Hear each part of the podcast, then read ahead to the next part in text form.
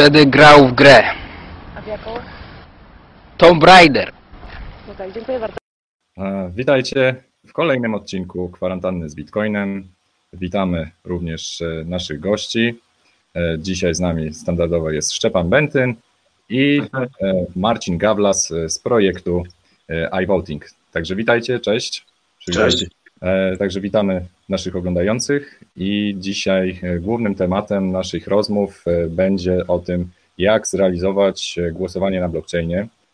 Wiadomo, temat jest gorący. Rząd próbuje nas zmusić do głosowania korespondencyjnego, praktycznie wszystkich. Poczta mm, Polska próbuje się z tego pomysłu wypisać. Także temat jest mocno kontrowersyjny. Nie wiadomo w jaki sposób, czy, czy, czy ludzie będą w stanie w ogóle w ten sposób zagłosować, czy nie będzie dochodziło do nadużyć. E, e, Jest też mowa, będziemy sobie rozmawiać o wykluczeniu cyfrowym, o tym, czy właśnie iVoting, czy ogólnie głosowanie zdalne, elektroniczne jest e, możliwe do realizacji nie tylko technicznie, ale powiedzmy tak społecznie pod względem na przykład wykluczenia cyfrowego. E, Także zapraszamy, dołączajcie do naszego live'a, udostępniajcie to wideo i standardowo też e, łapka w górę, chcemy być e, widoczni, bo temat jest dzisiaj e, bardzo ważny. Zanim, zanim przejdziemy do dyskusji i po, pojawią się wszyscy goście, wszyscy oglądający, to nie wiem, czy zwróciliście uwagę, znalazłem fajny, fajną stronkę, która prezentuje różnice w cenach bitcoina na świecie. I tutaj ciekawy właśnie case w takich krajach jak, nie wiem, chociażby Nigeria, Kenia, e, czy właśnie Ameryka Południowa, Wenezuela, e, Peru. W tych krajach, które są w jakiś tam sposób mają e, trudności gospodarcze, tam premium za bitcoina jest dosyć, e, dosyć wysokie. E, Także w, fajna, ciekawa strona, którą można sobie monitorować. O, to właśnie w Ugandzie jest chyba premium 12%. E, Strona bitcoinpricemap.com. E, To z takich ciekawostek e, właśnie.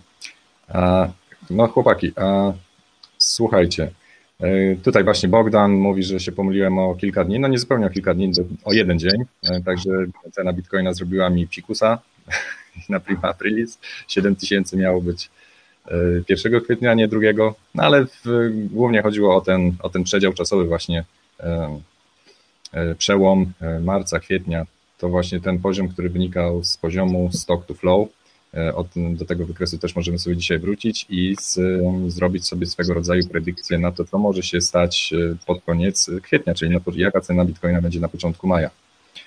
E, No tak, Pascal tutaj zwraca uwagę, w jaki sposób sprzedać BCC w Ugandzie. Akurat, akurat myślę, że bitcoiny sprzedać w Ugandzie to jeszcze pół biedy, tylko co zrobić z tymi ugandejskimi e, dolarami, czy co oni tam mają, prawda? Jak je tutaj do Polski Ale przyciągnąć? słuchaj, case jest jeszcze ciekawszy, bo na przykład e, są e, przykładowo Polacy, którzy mają pieniądze zamrożone w EPA. I oni tych pieniędzy z tamtejszych banków nie mogą przelać do Europy. Jest kontrola przepływu kapitału. I co mogą zrobić? Tutaj Kupić bitcoiny i przelać je tutaj, no. Lokalnie mogą zrobić przelew, e, natomiast e, poza kraj nie mogą, więc e, tutaj taki fajny, ciekawy use case Bitcoina do tej strasznej, omijania tej strasznej kontroli przepływu kapitału. Ale to wiesz, to nie jest tylko przypadek Afryki, bo ja czytałem o przypadkach ludzi, którzy z Hongkongu nie mogli wypłacić na przykład do Stanów pieniędzy. To nawet w takich Tak. cywilizowanych krajach jest ta kontrola, nie? Diamenty w tylnej części ciała. E, Słuchaj, e, to może e, zaprezentuję tutaj dzisiejszy, m, dzisiejszego bohatera. Marcin reprezentuje projekt iVoting, czyli pierwsza polska aplikacja do głosowania z wykorzystaniem blockchain. Ale z tego, co nam mówiłeś wcześniej, tworzycie do tego celu swój własny, prywatny blockchain. Dobrze zrozumiałem? Tak, tworzymy nasz blockchain. Bardziej precyzyjnie mówiąc, tworzymy mm, trzy protokoły, które będą obsługiwały system głosowania. Jeden z nich mamy już na mm, dość e, zaawansowanym poziomie technologicznym. Myślę, że testy mm, tego protokołu będziemy w stanie odpalić już na blockchainie gdzieś w okolicach sierpnia tego roku. A na dzień dzisiejszy tworzymy również narzędzia e, frontowe do tego blockchaina, czyli aplikacje, e, które my roboczo nazywamy Smart City, Smart Gminy, czyli będą takie proste aplikacje do konsultacji społecznych, prostych e-usług dla samorządów. Ten projekt również jest pilotażowo już odpalony e, w gminie Jaworze na Podbeskidziu koło Białej. Mm, Jak również kończymy programowanie frontu dla aplikacji, które mają posłużyć do zdalnego głosowania w spółkach kapitałowych stowarzyszeniach, e, fundacjach, jak również spółdzielniach, e, czyli odpowiadamy tym samym na zapotrzebowanie, które tej chwili spowodowała sytuacja z pandemią. A teraz takie zawsze pytanie się pojawia, czy można zrealizować e, w ramach waszego rozwiązania głosowanie tajne? Tak, można. Jest koncepcja, jak to zrobić, oparta o rozwiązania zastosowane E, w Bitcoinie właśnie między innymi, ale również jeden z naszych protokołów bezpieczeństwa oparty na kryptografii asymetrycznej, wykorzystujący e, chińskie twierdzenie o resztach, e, dodatkowo zabezpiecza, bo jest wiadome powszechnie, że sam blockchain, no o tym się wypowiadają również kryptolody z tego świata, nie zapewni bezpieczeństwa w 100% jeśli chodzi o głosowanie w wyborach powszechnych na przykład, czy, czy jakiekolwiek głosowania dużej ważności. Dobrze, czyli da się zrealizować głosowanie tajne, bo to jest dosyć istotne, jeśli chodzi tak, o wybór. O tym, o tym myślę, że więcej powie Wam Rafał Kiobus, który jest CTO A. naszego projektu. Jakbyście chcieli bardziej technicznie usłyszeć to e, od niego, wiem, że ma dołączyć do naszej rozmowy wkrótce. Mhm. E, a teraz taka kwestia, w jaki sposób ludzie mieliby pobierać w cudzysłowie karty do głosowania? Czy oni, w jaki sposób oni by zostali uwierzytelnieni, e, mhm. że to jest Jan Kowalski, powiedzmy, że to jest obywatel polski i tak dalej, w jaki sposób oni mieliby te karty do głosowania pobierać? Tak, to jest takie narzędzie, które my roboczo nazywamy Cyber ID, bo e, z samym głosowaniem wiąże się właśnie bardzo, bardzo ważną kwestią jest temat e, samej tożsamości cyfrowej. Tak? I tutaj e, połączenie uwierzytelnienia kluczy, które będziemy stosowali, klucze prywatne, klucze publiczne, musi być powiązane również z uwierzytelnieniem samej tożsamości cyfrowej. I my tutaj mamy kilka sposobów, w zależności od e, tego, jaki poziom tego uwierzytelnienia byłby wymagany. Bo wiadomo, inny poziom uwierzytelnienia jest potrzebny do wyborów powszechnych, a zupełnie inny na przykład w prostych głosowaniach, w konsultacjach społecznych, na przykład, gdzie wójtowie wymagają tylko i wyłącznie potwierdzenia, że dany, dany głosujący jest ich mieszkańcem, bo ich interesuje głównie opinia ludzi, którzy zamieszkują na przykład daną gminę. Tak? I te poziomy uwierzytelnienia chcemy mm, stworzyć od takiego podstawowego uwierzytelnienia poprzez SMS, czyli tutaj bierzemy pod uwagę kartę SIM i dane powiązane z umową e, operatora telekomunikacyjnego. E, drugi e, poziom uwierzytelnienia jest to między innymi temat uwierzytelnienia poprzez bank i tutaj nowa dyrektywa unijna, która weszła w, mm, w wrześniu zeszłego roku, czyli PSD2, które umożliwia nam e, uwierzytelnienie e, poprzez właśnie przelogowanie się przez konto bankowe i potwierdzenie tożsamości, na przykład PESEL e, czy zamieszkania. Kolejny... Ale pułap w takim razie? Pułap również, natomiast my na dzień dzisiejszy jeszcze nie pracujemy nad tym pułapem, ale można by było również wykorzystać pułap jako platformę rządową. No tutaj byłoby konieczne jakieś dogadanie się, prawda, z stworzeniem jakiegoś API. No właśnie, no kurczę, taki zwróćcie uwagę, że można złożyć czynny żal elektroniczny, teraz do Urzędu Skarbowego nagle, e, można złożyć e-spowiedź u księdza ryzyka. Przez ePUAP. Nie, tam wiesz, jest transfer grzechów, nie? Tak, nie wiem, czy widzieliście. Nie, nie widziałem. Trzeba zapłacić, żeby dostać rozgrzeszenie, oczywiście trzeba zapłacić za e-spowiedź. Taki, e, Natomiast właśnie tutaj przy głosu, dlaczego tego do dnia dzisiejszego nie można, dlaczego to jest takim tematem tabu, głosowanie zdalne przez internet, to jest po prostu zagadka, to jest Ale nie, właśnie ja, ja nie do ogarnięcia. Ja sobie przypominam, e, Platforma Obywatelska chyba e, z, nie wiem, z 2012, ja tak strzelam, ale w trakcie jakichś wyborów w tamtym okresie e, miała, jeden z, jeden z ich postulatów było wprowadzenie właśnie głosowania online, nie? I to ta, od czasu do czasu przewija się przez postulaty wyborcze, ale mam wrażenie, że jak dochodzą już do tej władzy, to mówią, nie, to jest w ogóle głupi pomysł, bo to tam młodzi ludzie będą mogli głosować, studenci bez wracania do domu, nie, to tak za proste by to było, bo nagle byśmy mieli za dużo ludzi i ci, którzy dobrze głosują, to oni mają dostęp do głosowania i po co ułatwiać wszystkim. Powiem Wam tak, w, przed wyborami ostatnimi parlamentarnymi robiliśmy taką analizę w ramach naszego zespołu. Analizowaliśmy wszystkie programy wyborcze właśnie pod kątem tematu głosowania i wyobraźcie sobie, że e, tak naprawdę większość partii jest za tym głosowaniem. Między innymi e, Platforma i PSL mają to wręcz wpisane w programie. E, jeśli chodzi o partię naszą rządzącą, obecnie jest wpisane poparcie dla technologii blockchain, ale jako takie samo głosowanie przy, przy wykorzystaniu internetu nie. No i oczywiście Konfederacja, tak? Tego nie było w programie, ale oni w wielu wypowiedziach również to wspierają. Natomiast całkowicie przeciwna jest Lewica i to też w programie jest bezpośrednio wpisane. A dlaczego? Przeciwko głosowaniu? Tak. Online? Tak. A jakiś powód podali, uzasadnienie, czy nie? Zdaje się, że kwestie bezpieczeństwa, bo to jest główny temat, jeśli chodzi właśnie o głosowania i to jest bardzo trudny temat do rozwiązania. No słuchaj, no bezpieczeństwo y, kart do głosowania, które będą wkładane do skrzynek pocztowych, też jest wątpliwe. Tak, tak. Tyle, wątpliwe? wątpliwe? Jak to się mówi, papier, papier wszystko przyjmie. Nawet te, ten tusz, jak on się nazywa, ten tusz taki sympatyczny? Znikający, tak.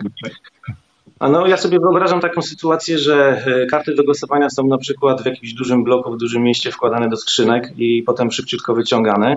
Więc to każdy sobie może wyobrazić, jak to głosowanie może wyglądać. No, ale myślę, że tutaj nie ma nawet co się rozwodzić na tym tematem. Ja jestem przekonany o tym, że wyborów 10 maja nie będzie, bo się po prostu nie da zrobić, żeby to było zgodne z prawem.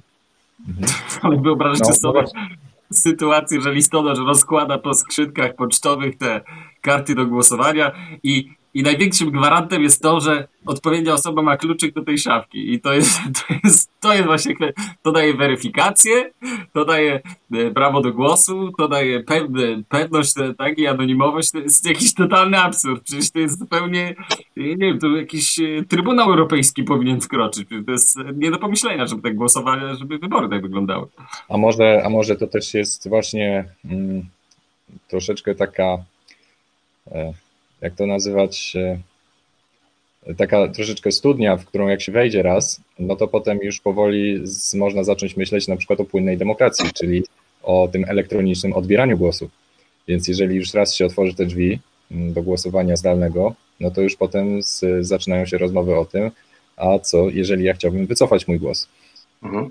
No to jest bardzo ciekawy temat. E, w ogóle ogólnie e, ja uważam, że mm, ludzkość w tej chwili po tej całej pandemii e, dozna takiego pewnego rodzaju resetu, e, w którym będziemy szukać e, nowych dróg, gdzie pójdziemy, w jakim kierunku. Jeśli chodzi o tematy jakby państwowe, no to mamy dwie drogi. Albo pójdziemy w kierunku cyberdemokracji, tak najogólniej rzecz biorąc, jakiejś formy demokracji bezpośredniej z wykorzystaniem właśnie narzędzi zdalnego głosowania, czy na przykład zdalnych referendów, które mogłyby być robione na poziomie nie tylko ogólne, ogólnego całego kraju, prawda, ale również szczególnie na poziomie E, decentralizacyjnym, czyli tutaj powiedzmy na poziomie samorządów, tak? Albo z drugiej strony pójdziemy w kierunku jakichś totalitaryzmów i zaufamy, czy powiedzmy autorytaryzmów i zaufamy powiedzmy osobom, które nam powiedzą, e, zrobimy dla was bezpieczne państwo, tak? Ale musicie wtedy nam e, pozwolić się inwigilować i pozwolić to, żebyśmy wszystko mogli kontrolować, tak? Wtedy będziecie bezpiecznie sobie żyć, tak? W jakimś takim powiedzmy quasi państwie. Nie zarazicie się. Tak nie tak. zarazicie się, bo będziemy wiedzieć, gdzie są wszyscy zarażeni i co robią. Tak, tak. No, taki, taki, jest, taki jest wybór e, i my na przykład e, pracujemy nad tym narzędziem e, płynnej demokracji również. Mamy w projekcie możliwość stworzenia takiego narzędzia, a wzorowane ono jest na nie wiem, czy znacie taką partię Piraci w Niemczech. Oni na ten temat już dosyć głośno mówią. Wiem, że tworzą jakieś wewnętrzne również narzędzia do takiego delegowania głosu. Miałoby to mniej więcej wyglądać w ten sposób, że załóżmy, że jest bardzo duży odsetek procentowy obywateli, którzy się tak na co dzień nie interesują polityką. Jeżeli idą do wyborów, to na przykład konsultują to z jakimiś osobami, które, co do których mają zaufanie, które traktują jako autorytet w na przykład jakichś dziedzinach lub też w ogóle ogólnie jako autorytet. E, I tak bardzo często e, głosuje bardzo wielu ludzi emocjonalnie tak, e, w ten sposób, a racjonalny wybór to jest mniej więcej na poziomie między 20 a 25% obywateli. Stąd też myślę, że delegowanie głosu i płynna demokracja to jest bardzo ciekawy pomysł, o ile jest możliwe w każdej chwili wycofanie tej delegacji i przekazanie na przykład na inną osobę, jeśli przestajemy się zgadzać z polityką prowadzoną przez wspieraną osobę kandydata lub też e, na przykład jakieś ugrupowanie. Jeszcze ciekawszym pomysłem byłoby na przykład delegowanie cząstkowe głosu. Wyobraźmy sobie, że mamy na przykład kolegę, który świetnie zna się na załóżmy militariach, tak? E, I jest jakiś temat referendum, który dotyczy zakupu na przykład e, samolotu wielozadaniowego, tak? I głosujemy to w referendum, bo to są miliardy, prawda, które idą na te samoloty. I wtedy na przykład ja deleguję na mojego kolegę, który obecnie siedzi w Londynie, którego bardzo poważam w temacie tym, że się świetnie zna na tych samolotach i on na pewno lepiej zagłosuje moim głosem grupowo w tym temacie referendum niż ja. No ale co wtedy z handlem głosami? No nie? Tak. Handel głosami to jest kluczowy problem. E, w zasadzie jeden z najtrudniejszych do rozwiązania, w, jeśli chodzi o wybory zdalne. Aczkolwiek z drugiej strony, gdybyśmy na to popatrzyli, e, to e, można powiedzieć w ten sposób, że mm, często widziałem też takie przykłady, że osoby wchodzą na przykład za kotary, że tak powiem, zagłosować przy urnie w kilka osób. No i pytanie jest takie, e, czy na przykład e, zabierz babci dowód, czy zagłosuj, czy babciu popatrz, musisz tutaj skreślić, to też nie jest handlu, jakiś rodzaj handlowania głosem, tak? Ja no przepraszam, a 500 plus to nie jest kupowanie głosów? No tak. No tak, to jest e, dość, dość drogie te głosy. Chyba a 13 emerytura to nie jest kupowanie głosów? Handel głosami jest, tak tylko się inaczej nazywa. W Ameryce Południowej jest wręcz bardzo popularny. To jest chyba w ogóle taka inherentna cecha demokracji, chyba można by powiedzieć, nie? Bo, bo handlować głosami można na wiele sposobów.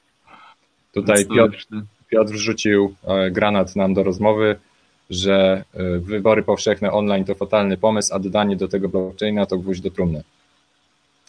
Także musisz, e, Piotr, uzasadnić swoją tezę w jakiś sposób. Tak, dlaczego wybory online? To zdanie. Tak. Ciekawe. To wrzucił bombę i wyszedł.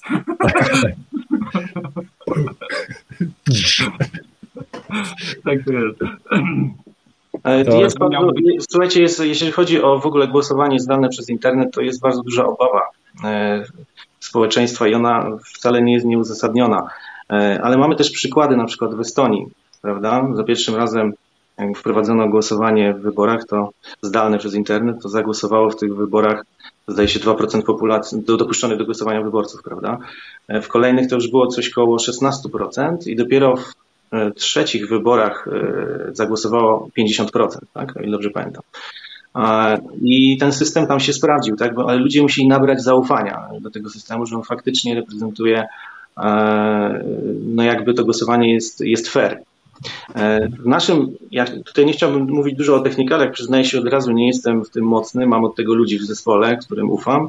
Natomiast e, mm, jest bardzo istotna kwestia e, dotycząca tego, w jaki sposób my budujemy nasz protokół. Między innymi tak, że wszystkie urządzenia, które uczestniczą gdyby w potwierdzaniu wyniku głosowania, czyli każdy smartfon każdej osoby również będzie E, dzięki naszemu protokołowi mógł e, sprawdzić wynik głosowania.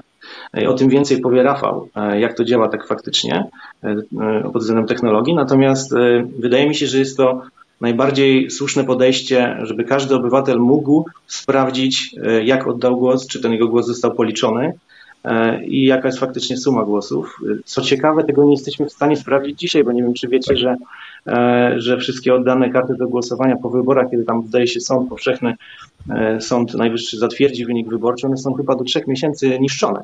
Więc my nawet nie mamy archiwum tego, jakby ktoś kiedyś chciał sprawdzić, e, tak naprawdę policzyć wszystkie te miliony głosów, to tych kart nie ma. No tutaj Piotr mówi, że e, polegamy całkowicie na dostawcy oprogramowania nad, oraz wałkami firmy hostującej, polegamy całkowicie na zaufaniu do ich open source oczywiście jest konieczny, ale niewystarczający. Audyt tego typu e, rozwiązań to lata, dekady, a ryzyko popełnienia pomyłki w implementacji stuprocentowe. No właśnie pamiętamy afery związane z głosowaniem w tych automatach w Stanach Zjednoczonych, nie? Tam było przecież wokół tego to było tyle, tyle kontrowersji, że, że tu na pewno należałoby się zgodzić z tym stwierdzeniem. Tylko chyba, yy, chyba gdyby, gdybyśmy bo tak pozwolę sobie wrzucić granat. No, Gdybyśmy mieli zaprojektować takie rozwiązanie, jak ten blockchain miałby być wykorzystany, no to chyba od razu trzeba by założyć, że jest to rozwiązanie open source. Prawda? Tak, to nie, ulega, to nie ulega wątpliwości i my też tak chcemy to zrobić, więc y, to na pewno jest y, jedyna słuszna droga. I to jest w ten sposób, migrujesz to ryzyko tego jednego prowajdera, jednego dostawcy oprogramowania. No de facto, jeżeli każdy zna kod, każdy wie, jak to działa, każdy może nawet zrobić pull requesta, czy kontrybuować do tego kodu, żeby był lepszy, czy poprawić błędy, czy badacze z całego świata mogą e, próbować go zaatakować, bo nie chciałbym wam przypomnieć, w zeszłym roku, w pierwszym kwartale były wybory w Moskwie, e, właśnie e, dzielnicowe i były robione w oparciu o aplikację, która wykorzystywała blockchain Ethereum. I na dwa tygodnie przed wyborami francuski matematyk w dwie godziny złamał szyfr, który szyfrował karty do głosowania. D- System działał dość prosto, mianowicie każdemu uprawnionemu do głosowania wysyłał token, który miał datę ważności, to znaczy tam na przykład w niedzielę o północy tracił ważność, już nie można było go wysłać. Można go było wysłać na określony z góry zestaw adresów.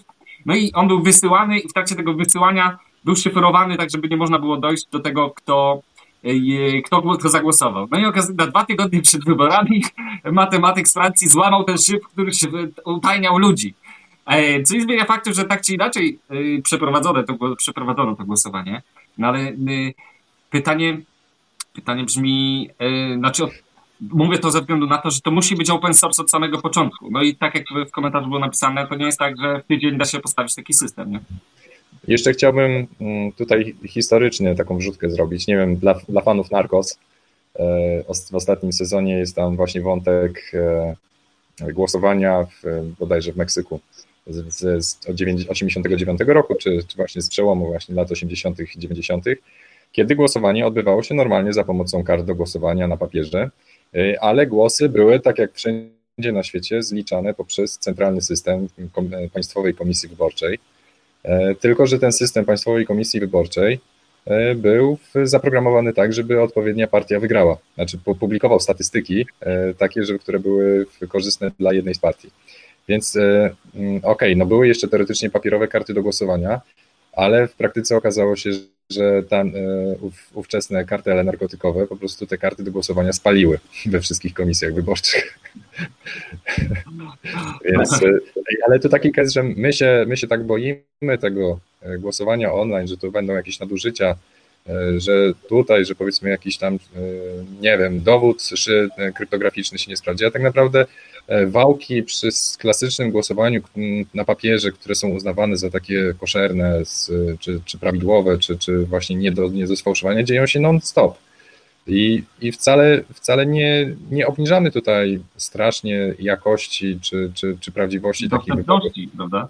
Bo to też, E, y, jeżeli lewica boi się wykluczania, no to online... Okej, no ale głosowanie online jest dla chętnych, no reszta może zagłosować tradycyjnie. Słuchajcie, tutaj e, my proponujemy takie rozwiązanie, czy trzeba przyjąć, że na dzień dzisiejszy y, iVoting nie jest gotowy do wykorzystania w wyborach powszechnych, natomiast dostaliśmy dosyć duży grant z NCBR-u e, na badania nad e, tymi protokołami. E, i e, jeżeli kiedyś w przyszłości chcielibyśmy spróbować wdrożyć, przetestować takie rozwiązanie w wyborach powszechnych, należałoby zacząć od jakichś mniejszych grup, e, na przykład dedykować pilotaż takiego głosowania w wyborach powszechnych, e, na przykład Polonii, tak, e, mieszkającej za granicą, albo przetestować to, e, załóżmy, na żołnierzach e, będących na misjach albo na więźniach, tak, z wykorzystaniem jakichś mniejszych grup społecznych i sprawdzić, jak to działa. Co więcej, odpowiadając na, na Wasze tutaj pytanie i komentarz, e, e, ko- który się pojawił,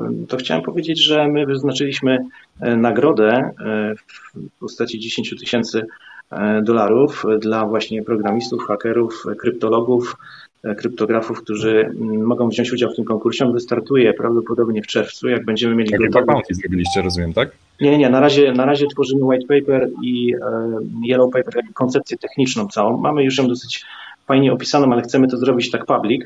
E, I e, zaprosimy właśnie takie osoby, również sceptyczne wobec e, naszego pomysłu, żeby spróbowały znaleźć lukę. Dla nas to też jest bardzo istotne, dlatego że my jesteśmy na początku realizacji grantu z NCBR-u, startujemy w maju. i zrobienie takiego, powiedzmy, tak, takiej, takiej analizy z pomocą również społeczności, myślę, że byłoby świetnym rozwiązaniem i od razu wykluczy nam ścieżki, które moglibyśmy zabłądzić w projekcie później dalej. No dobrze. A dlaczego um, uważacie, że czy też uważacie, że wasz pomysł jest, czy wasza implementacja jest lepsza od tego, co zaimplementowało KDPW, Krajowy Depozyt Papierów Wartościowych, oni mają też jakieś tam, stworzyli rozwiązanie. Ja, ja podejrzewam, że rząd w pierwszej kolejności to, to sięgnie po rozwiązanie KDPW i po rozwiązanie IBM-a z racji wiadomych. I oni też mają głosowanie dla rad nadzorczych bodajże, dla dowolnych zgromadzeń i teoretycznie no, czym, czym iVoting mógłby być lepszy od takiego rozwiązania KDPW? To znaczy tak, z tego co wiem, to, to chyba korzysta z Hyperledger, tak? Tak. Tak, to jest jedna kwestia. Druga, to jest w tej chwili dostosowane tylko i wyłącznie dla spółek akcyjnych. My chcemy zrobić nasz system dla spółek ZO przede wszystkim, które co roku mają sprawozdawczość, prawda? Szczególnie teraz byłoby to dosyć istotne, żeby udziałowcy na walnym zgromadzeniu mogli sobie zagłosować z dowolnego miejsca. Szczególnie wiadomo, że pracujemy zdalnie z domu w tej chwili. I to sprawozdawczość będzie całkowicie zatrzymana. Wczoraj również była informacja w mediach podana, że, że ta sprawozdawczość została przesunięta o trzy miesiące i my właśnie chcemy zdążyć z naszą aplikacją dla spółek ZO jeszcze przed jak gdyby terminem 30 września, kiedy, kiedy będzie trzeba składać te sprawozdania z zgromadzeń. No i to jest nasz jakby pierwszy target. Tak jak wspomniałem, my nie, nie, nie widzimy na razie możliwości, żeby wykorzystywać iVoting w wyborach powszechnych. To wymagałoby jeszcze co najmniej trzyletnich badań, pracy, testów, wdrożeń, poprawek, to, to jest naprawdę bardzo długa droga, żeby zrobić taki system. Ja nawet porównuję to, często jak mnie ktoś pyta, czy iVoting można wykorzystać w wyborach powszechnych i kiedy to y, mogłoby się stać, to mówię, no, no, na pewno za naszego życia jeszcze dolecimy na Marsa. No to mniej więcej to jest ten sam poziom trudności, y, żeby zrobić wybory dla 40-milionowego kraju, ale myślę, że to się wydarzy za naszego życia. I na chwilę przerwa y, dla przypomnienia. Dzisiejszy odcinek sponsorowany jest przez Swapli, kantor kryptowalut, w którym łatwo możecie dokonać i sprzedaży i zakupu bitcoinów, litecoinów i ethereum. Również sponsorem odcinka jest Brand Tokens do realizacji zaawansowanych programów lojalnościowych z wykorzystaniem tokenizacji oraz projekt iVoting, który właśnie pracuje nad realizacją pomysłu głosowania z wykorzystaniem blockchaina, z, z głosowania zdalnego nie tylko w wyborach powszechnych, ale również we wszystkich sytuacjach, kiedy wymagane jest zdalne głosowanie. Jeszcze chciałbym zwrócić uwagę na pismo Polskiego Stowarzyszenia Bitcoin, które wysłało listę postulatów, nad którą wspólnie tutaj pracowaliśmy. Słuchajcie, na tych live'ach również zbieraliśmy Wasze pomysły, co może znać, znaleźć się w takim piśmie do ministerstwa. I rzeczywiście Polskie Stowarzyszenie Bitcoin też zachęcamy do śledzenia i, i wspierania stowarzyszenia stworzyło pismo do ministerstwa, w którym właśnie jest cała lista postulatów od strony społeczności, jakie, jakie zmiany w prawie powinny się znaleźć tak, żeby usprawnić funkcjonowanie gospodarki poprzez między innymi zwiększenie udziału w tej gospodarce walut cyfrowych, bitcoina, jakie, jakie usprawnienia powinny się znaleźć, tak żeby nasz kraj był konkurencyjny wobec innych krajów pod względem wykorzystania właśnie blockchaina i kryptowalut. Także to była taka chwilowa przerwa na reklamę. Jeszcze zanim sobie przejdziemy do dalszej rozmowy, chciałbym Wam pokazać ciekawą statystykę, co mnie zdziwiło, szczerze mówiąc. Co mnie bardzo zdziwiło, otóż PKO BP opublikowało statystyki wykorzystania płatności kartami w ostatnim w marcu.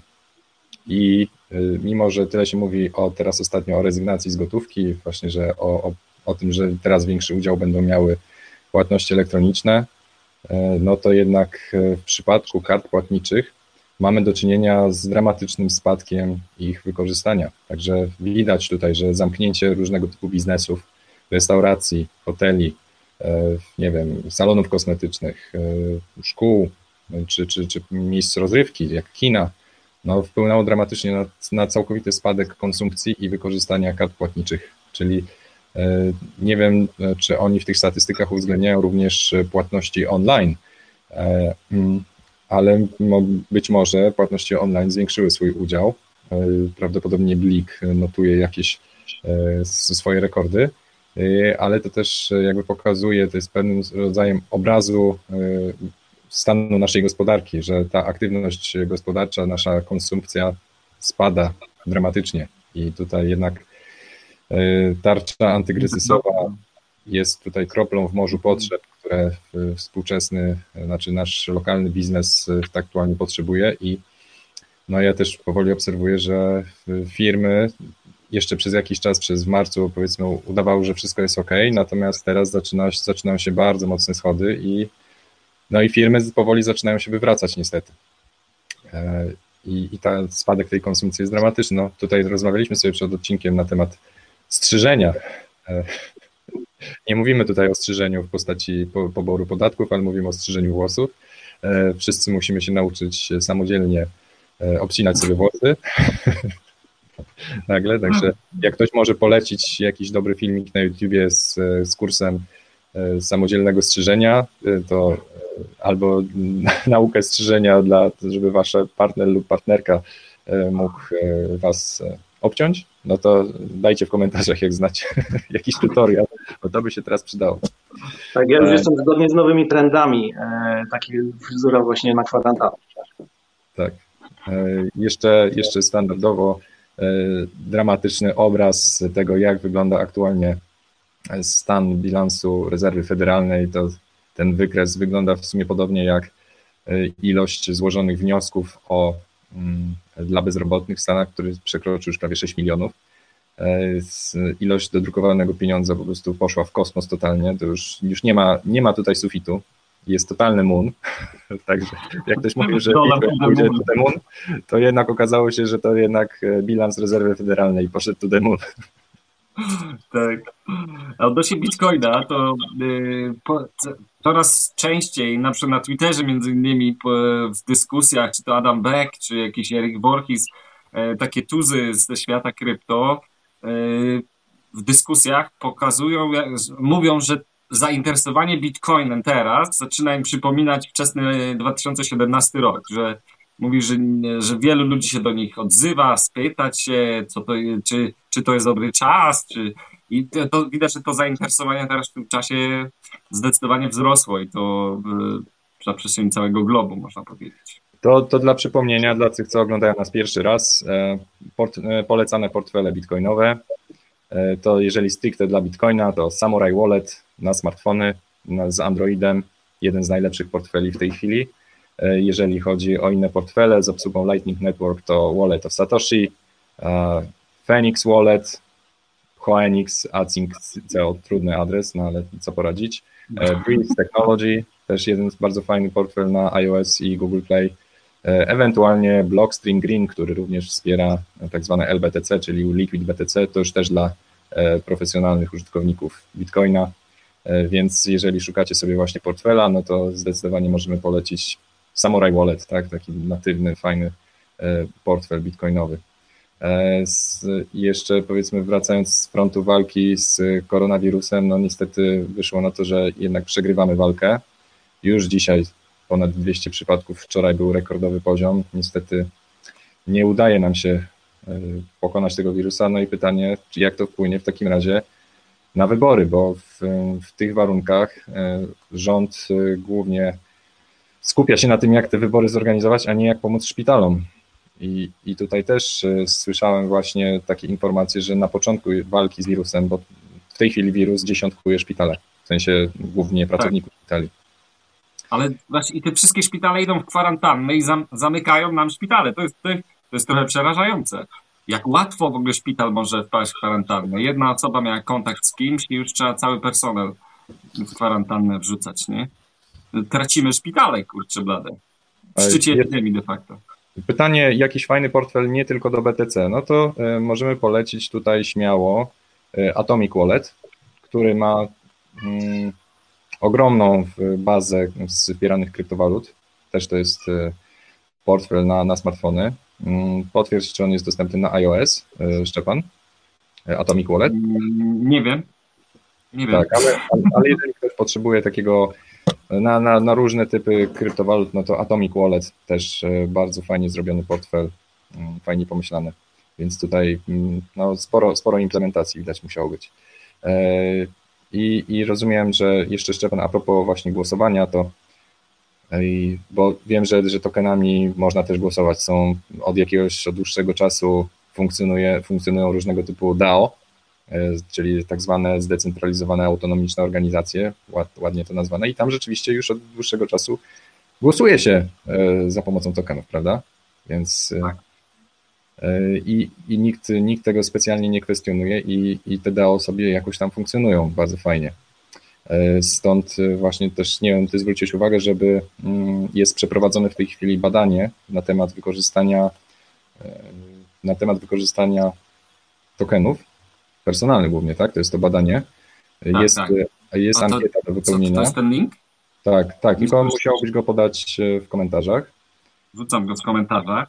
Tak, yy, przepraszam, to nie ten, to nie ten link. Tak, ale Aragon, Aragon Tak. Network to rzeczywiście e, jest takie narzędzie, a propos właśnie głosowania na blockchainie. Aragon Network pozwala na, a po pierwsze, tworzenie zdecentralizowanych organizacji, które posiadają swój własny kapitał, którym tym kapitałem można głosować na co mm, te Można środki. stworzyć organizację, wyemitować tokeny, które są akcjami tej organizacji i stawki, to ile kto ma tokenów, taką ma ważność głosu. De facto można, odpowiada to takiej spółce akcyjnej, tylko że jest to spółka na blockchainie. Mało tego, ta spółka może przyjmować płatności w krypto, może, wy, może dokonywać płatności w krypto, jest tam dodatkowy cały framework, y, na przykład do, do dokonywania wypłat pensji, także co miesiąc na przykład ktoś regularnie dostaje wypłatę, są pewnego rodzaju też systemy do zarządzania zadaniami. Nawet jest sąd, właśnie to jest bardzo ciekawe, zresztą e, rozproszony, rozproszony e, zespół sądów, który działa na całym świecie, który pomaga właśnie w rozwiązywaniu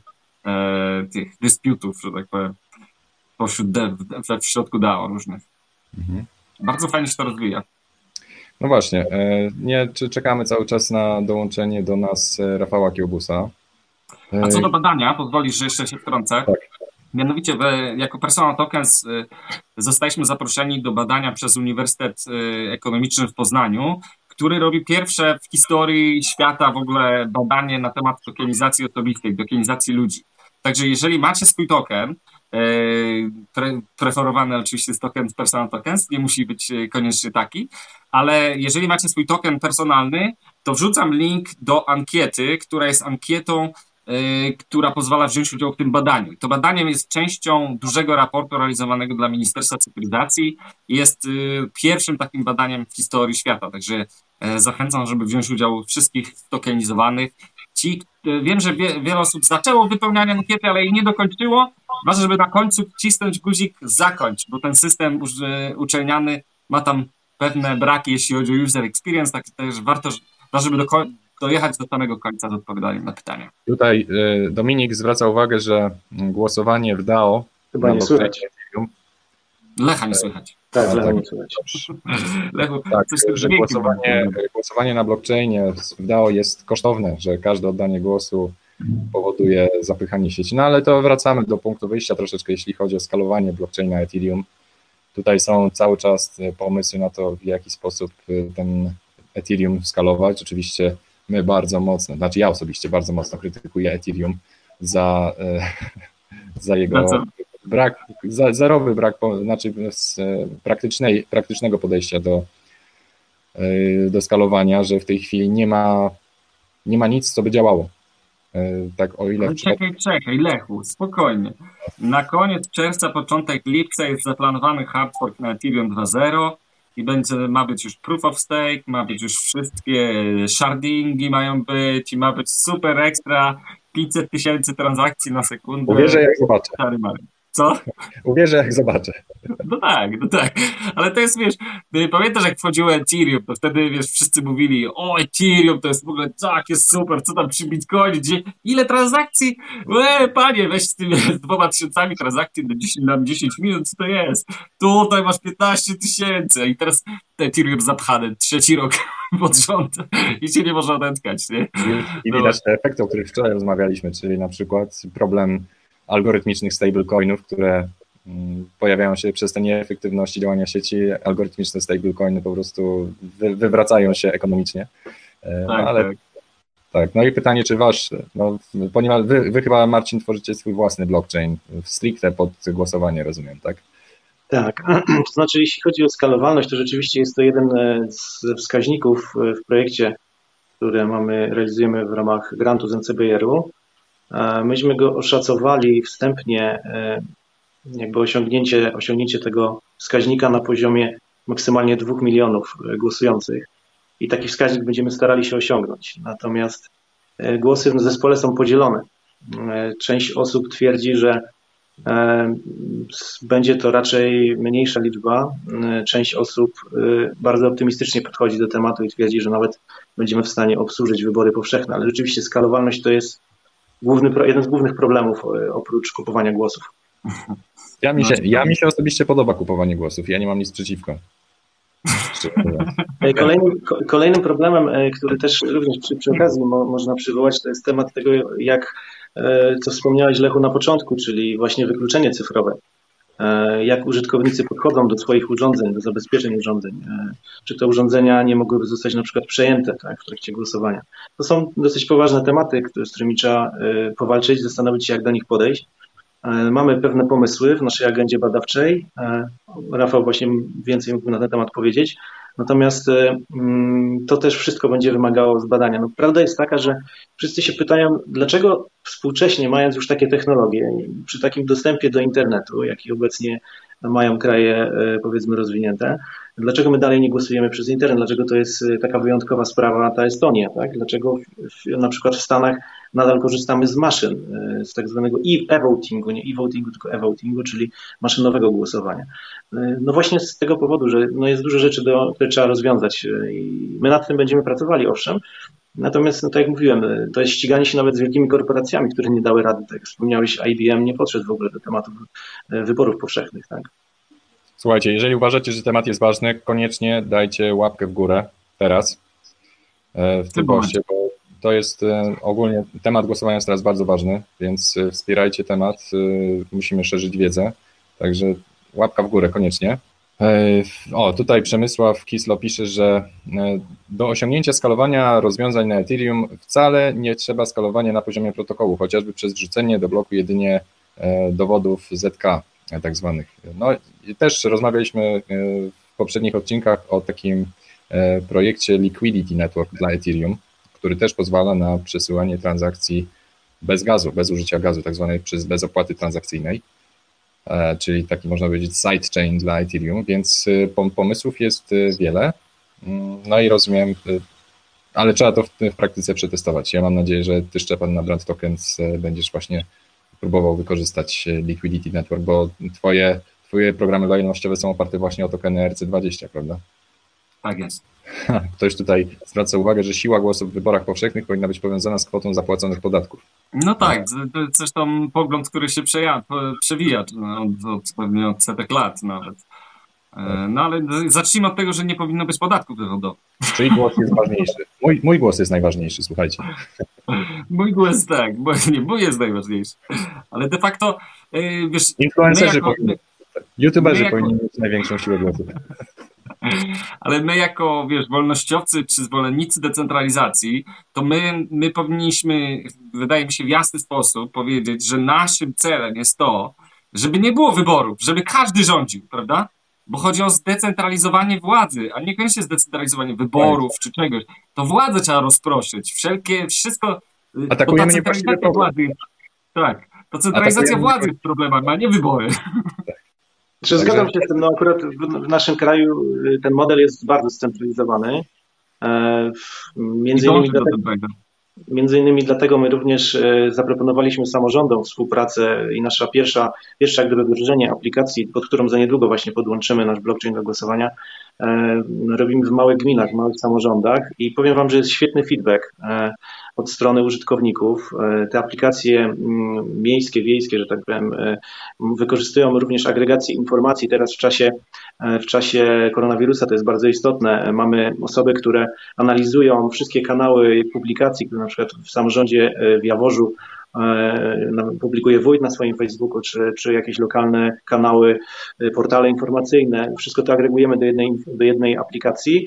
Jak również mamy tam system powiadomień SMS, coś na przykład e, się dzieje e, poważnego, e, to w takiej aplikacji może działać jako alert lokalny.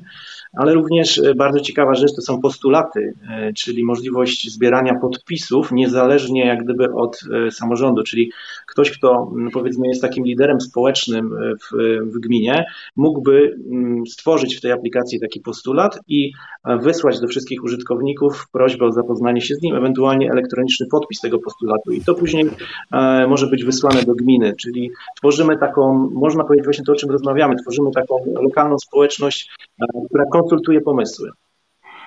O, witamy Rafała. Cześć wszystkim. Y, Trochę spóźniony. Też, na, też, też Trochę pandemia dotknęła włosów. Cześć Rafał. Rafał, odpowiedz na to, po, odpowiedz nam na to nurtujące nas pytanie. Czemu, czemu własny blockchain prywatny do tego iVotingu? Y, No bo musi być kontrola nad miningiem. Znaczy musi być kontrola nad wydobyciem bloków, y, żeby nie było możliwości no, przejęcia przez no, złych górników, tak powiedzmy. No bo jedynym sposobem Tak. ataku na blockchain Bitcoina jest przejęcie y, kopalni, mówiąc w skrócie. Czyli jeżeli odpowiednio duża moc obliczeniowa z, nie wiem, z dwóch czy trzech największych kopalni się zmówi, może po prostu cenzurować. Czyli na przykład nie moglibyśmy oddać innego głosu niż na aktualnego prezydenta. No ale czekaj, czekaj, czekaj. No ale w oparciu o Ethereum, no to można by zrobić w oparciu o Ethereum to głosowanie, a nikt ci nie przejmie przecież 50% węzłów Ethereum. Tak. No niby nie, ale jednak tak. To jest zawsze Ja- ryzyko, które można mitygować w ten sposób. No, ponadto, wiesz, odpalają się kryptokotki i nie można głosowania przeprowadzić, nie? Na przykład. No blockchainy No, publiczne to- są fajne, ale do pewnego momentu one mają swoje ograniczenia i mają swoje ryzyka. No, w przypadku No tak, no, takiego systemu Można, można jakoś wymyślić, że skorzystać z jakiegoś sidechaina, który daje bezpieczeństwo mainchaina, ale skalowanie prywatnego łańcucha. no, czy ty wiesz, no to się podpina komodo na przykład i masz bezpieczeństwo zapewnione, tak? Bez żadnego problemu. Tak, no właśnie, to czemu nie Komodo? No ale komodo jako zabezpieczenie delegated proof of work. Okej. Czyli masz y, swój blockchain, który jest notaryzowany w Komodo. Komodo się notaryzuje e, w, w Bitcoinie i później notaryzuje się z powrotem u ciebie. U ciebie pojawiają się transakcje z Komodo. Mm, Nie możesz się cofnąć dalej niż do ostatniej transakcji z Komodo. Tak w wielkim skrócie, nie? No to czemu prywatny blockchain, a nie Komodo na przykład? No Ale Komodo... Wrócimy jeszcze raz. Musimy mieć kontrolę nad miningiem. Musimy wiedzieć, gdzie są produ- blok producerzy, czyli musi, muszą być te zaufane instytucje. Tak samo jak musimy się e, weryfikować w urzędzie, żeby nasz klucz prywatny, właściwie nasz klucz publiczny był uznany, że my to my i my możemy brać udział w głosowaniu.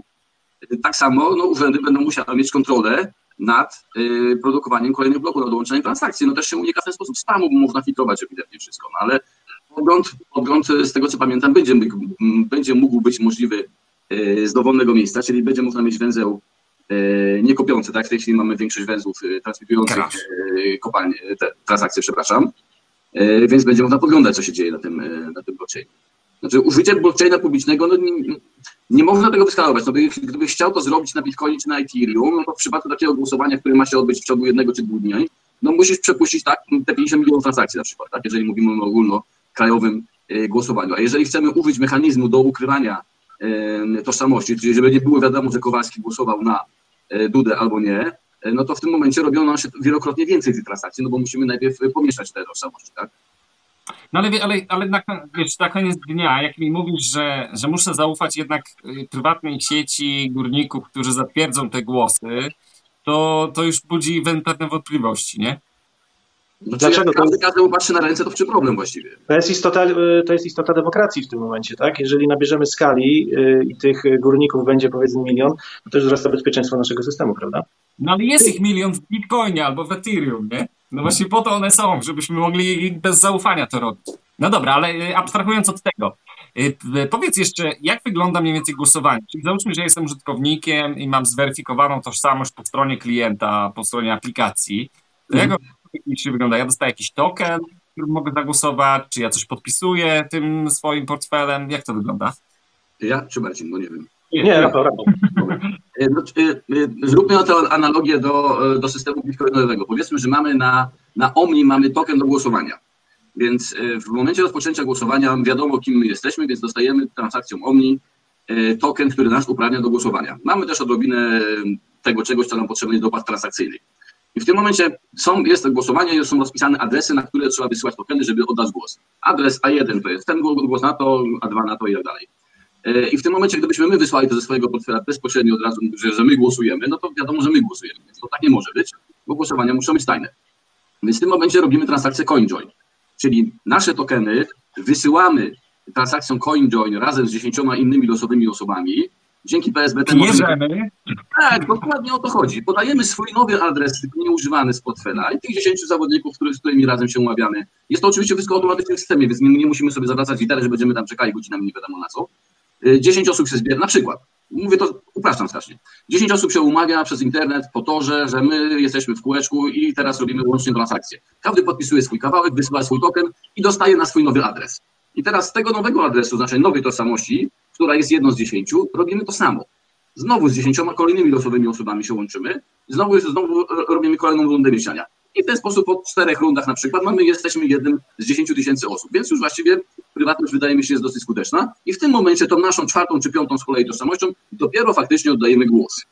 Więc mamy pewność, że wszystkie tokeny, które zostały wysłane, zostały wysłane do odpowiednich osób, bo wszyscy mają, e, wszyscy są e, z, no, zautentykowani, tak? czyli wszyscy są, wiadomo kto jest kim. Później mamy rundę e, mieszania, czyli żeby nie było wiadomo, że kto jest kim, ale nadal mamy ilość tokenów tą samą, Okej. więc wiemy, że tokeny są u tych samych osób, tylko pod nowymi nazwami, pod, nowymi, pod nowymi adresami i dopiero wtedy następuje głosowanie, czyli faktycznie już przesłanie tych tokenów do głosowania na te adresy, które liczą głosy. I w tym momencie mamy wynik głosowania od natychmiast. No tak działa dobrze, wiadomo. Więc nie ma, nie ma, nie ma tutaj możliwości oddania złego głosu. No w przypadku oczywiście, gdy jest, no wiadomo, głosowanie na, na, na jeden punkt. W przypadku większości takich głosowań, że zaznaczasz kilka, no to w tym momencie zacznie się yy, troszeczkę gimnastyki matematycznej i kilka rodzajów tokenów naraz, prawda? Tak. Ale tak to, e, tak to upraszczając dla ludzi będzie ma wyglądać. No to jak dla mnie ten system nie przejdzie przez regulację AML. Za dużo prania tokenów tam jest. Ale źródła tokenów są znane. Znane są wszystkie, całe, wszystkie 10 osób są znane i to wiadomo, że to jest nadal te 10 osób. Tak, i wiemy kto dokładnie brał. Na samym, na samym początku wiadomo, kto jest kim i na samym końcu wiadomo, że to są na pewno te same osoby, tylko pod nowymi adresami. Ale wie, wiesz dlaczego to jest zabawne? Bo ten sam mechanizm, który, który zapala się czerwoną lampkę we wszystkich programach a, anti-money laundering jest wykorzystywany do uczciwego przeprowadzania wyborów. I to jest, to jest piękne. To jest właśnie wspaniałe. To jest piękne. Słuchajcie, tymczasem Bitcoin pokonał 7 tysięcy znowu. Juhu! Czy w dół? Złoto w górę, ropa znowu drożeje, więc O nie, trzeba jechać się zatankować szybko. trzeba szy, szybko na Właśnie, stację. już zdrożała. Tylko gdzie pojedziesz, jak zatankujesz? Na parking nie spoko. Jedyne miejsce, do którego możesz pojechać to urna. Już przynajmniej, no. To stacja Jedyne benzynowa. Tak, jedyne miejsce, do którego cię puszczą, to jest urna do głosowania, więc Jest urna. Albo inna urna. Dobrze, słuchajcie, y, fajny temat. Y, Ja trzymam kciuki, żeby udało się w jakikolwiek sposób w końcu wykorzystać no, ten kryzys do tego, żebyśmy y, przynajmniej zaczęli myśleć o głosowaniu zdalnym. Nie, niekoniecznie może uda się to teraz zrobić głosowanie Nie zdalne, powszechne i tak dalej. To nawet nie o to Nie wiecie tego. Ale trzeba, jakby moja filozofia jest taka, że temat trzeba cisnąć do skutku. Nie wolno się poddawać przede wszystkim. Nie wolno zakładać, że czegoś się nie da zrobić, że nie da się czegoś przepchnąć, że nie da się czegoś zmienić. I takie podejście po prostu jest y, złe. Z gruntu złe po prostu. Trzeba Takiemu próbować. podejściu mówimy, Trzeba, tak, stanowczo nie. co Jest, nie. jesteśmy za tym, że musimy zmieniać ten świat, musimy go zmieniać e, na lepsze. E, Jeżeli jest ku temu okazja, trzeba pchać mocno do przodu. Więc e, nie, i nie wolno po prostu akceptować e, status quo, status quo, czy jak to się tam wypowiada. I, I trzeba wierzyć w to, że jesteśmy w stanie dokonać zmian. E, Także pośrednio, czy nawet potem bezpośrednio, będąc, nawet jeżeli ja życzę Wam, żebyście kiedyś byli członkami rządu, żebyście mogli podejmować te decyzje. Oni liczą głosy, to się nie ma. No właśnie chodzi o to, żeby nikt nie liczył tych głosów, tylko żeby robił to system automatycznie i No ja przecież wiem. właśnie o to chodzi, żeby wykluczyć tutaj kolejną. Jedynym problemem jakim jest, jak, jak zwykle człowiek, no bo wiadomo, zgubi portfel, zniszczy, yy, więc trzeba Jedno niestety zgubi. wyedukować, jak zrobić backup i tak dalej. No, no, no są kłopoty, które no, wiadomo, no, będą zawsze przy każdym systemie elektronicznym. Jak ktoś gubi kartę z podpisem elektronicznym, tym, tym, tym kwalifikowanym, no to też generalnie ma kłopot i tak dalej. Jak Więc, no, ktoś gubi dowód, to nie zagłosuje tak samo. no, Ktoś, no, kto- w zasadzie, no. zwrócił uwagę, że takie głosowanie zdalne za pomocą aplikacji czy za pomocą tokenów jest jednocześnie testem na inteligencję. I, Słusznie. No to daję, powiedz. I dzięki temu możemy sobie zapewnić, że w wyborach e, zagłosują osoby, które są świadome e, oddawanego głosu. Y, I wyklucza, znaczy można powiedzieć, że wykluczenie cyfrowe powoduje to, że wykluczamy osoby, które takiego głosu technicznie nie są w stanie oddać. Więc a jeżeli nie są w stanie technicznie tego głosu oddać, to znaczy, że w ogóle nie powinny głosować. To jest okrutne, Lechu, nie mów tak. Nie.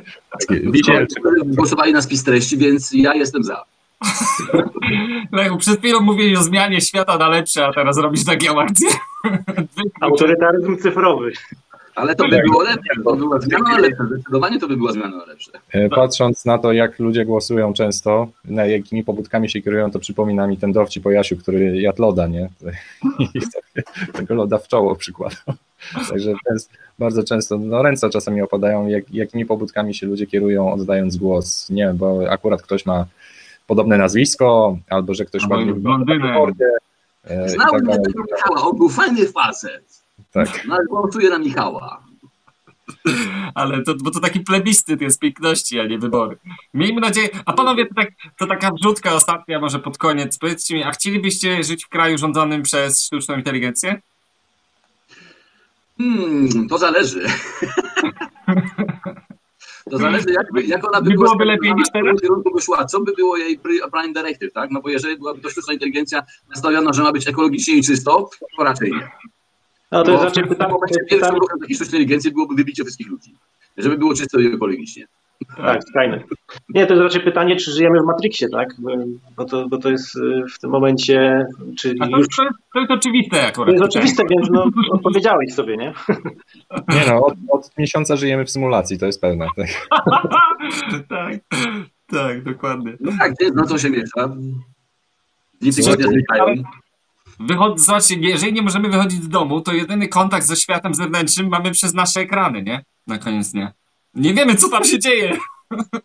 tak naprawdę. Amazon, Amazon ma najlepsze podejście. On swego czasu stworzył rozwiązanie Amazon Turks, gdzie można zlecać rozproszonej sieci użytkowników różnego typu zadania i oni to nazywają sztuczną, sztuczną inteligencją. Że Inteligencja zawsze przebiega prawdziwą głupotą, więc Artificial, artificial intelligence, czyli tak naprawdę teoretycznie realizowane przez maszyny, ale tak naprawdę przez ludzi, więc e, to trochę przypomina tak jak się rozwiązywanie kapcza. Nie robi tego sztuczna inteligencja, tylko robią to tysiące e, ludzi pracujących w Kambodży w kafejkach internetowych. Więc w ten sposób może wyglądać sztuczna inteligencja. Zresztą e, za każdym razem, kiedy klikacie tam w kapcze, to jest samochód, to jest rower, to jest most, to tak naprawdę trenujecie sztuczną inteligencję, więc to wy de facto jesteście źródłem inteligencji dla samochodów. e, samochodów. Wydaje mi się, że ja czasami już widzę te same obrazki w kółko, więc nie wiem na czym to polega. Bo już jestem, jestem raz. pewien, że naprawdę co najmniej kilka razy widziałem już ten sam obrazek. Ale to Ale właśnie o to chodzi. Ale wiesz to co, chodzi, bo musisz wytrenować wielokrotnie ten sam obrazek, bo poprzednim razem mogłeś się pomylić. Ale chyba, wiesz co, Lechu, ona już doskonale wie, który to obrazek to samochód, bo jeżeli wystarczy 80 skanów y, rentgenowskich y, klatki piersiowej, żeby matryca z 90% skutecznością była w stanie zdiagnozować COVID-19, no to nie mów mi, że te miliardy zdjęć z samochodami nie dały jej do zrozumienia, gdzie jest samochód, a gdzie jest lampa na zdjęciu. No i przy okazji w takim razie propsy dla firmy Warsaw Genomics, która robi e, testy na COVID. 40, ponad 40% test wszystkich testów wykonywanych jest robione przez prywatną firmę Warsaw Genomics. A to już wiemy, kto ma interes. ile robią? Ile robią dziennie? 40% testów, czyli biorąc pod uwagę, jeżeli sobie 200. e, jeżeli, 200 dziennie. Słuchajcie, patrząc e, na statystyki dziennie robionych testów, w tej chwili ich jest 5400, czyli no robią ponad w tej chwili 2000, czes- e, nie wiem, około 2000 testów dziennie. Oczywiście ta, to jest przerażające, jak e, mało ludzi jest obecnie przetestowanych i nie wiadomo, czy, czy są chorzy. Także Nawet przypominamy, czyli pracowników kurczę medycznych, to to jest. Nosimy maski. Zdecydowanie, także zanim E, Oczywiście nie wiem, czy na początku widzieliście to wspaniałe wideo o tym, jak klasyk będę grał w grę w Sylwestra. Także WHO, to tak w kontekście tego wideo na początku, WHO po dwóch latach wycofało się z zalecenia, że nie należy grać gry. Teraz mówią, że należy grać gry, bo dzięki temu będzie mo- moż- można zachować relacje społeczne, a wcześniej mówili, że gry komputerowe zaburzają relacje społeczne. Więc WHO zależy od sytuacji i kontekstu. No. E, Światowa Organizacja Zdrowia w tej chwili się kompromituje co chwila dosłownie. Najpierw się kompromitowali maskami, teraz się kompromitują e, tematem gier komputerowych, więc e, naprawdę trzeba Mają bardzo fajne, re, fajne hasło reklamowe. WHO cares. Ale ty, ale żeby prezydent i to jeszcze z PiSu, prawda, promował na TikToku turnament w grach online, zawody e-sportowe. Czas. Słuchajcie, nie wiem, czy właśnie widzieliście, ale CD Projekt, spółka, która zajmuje się gamingiem, która robi gry komputerowe, jest największą w tej chwili spółką na GPW Tak jest. To jest niesamowite. Polska największy państwowy bank. Ale, gdzie- ale to pokazuje, to pokazuje, jak ten świat się zmienił. I to się zmienił o, to, to o 360 stopni. Przecież to jest. Jak może być większy od KGHM-u, kurde?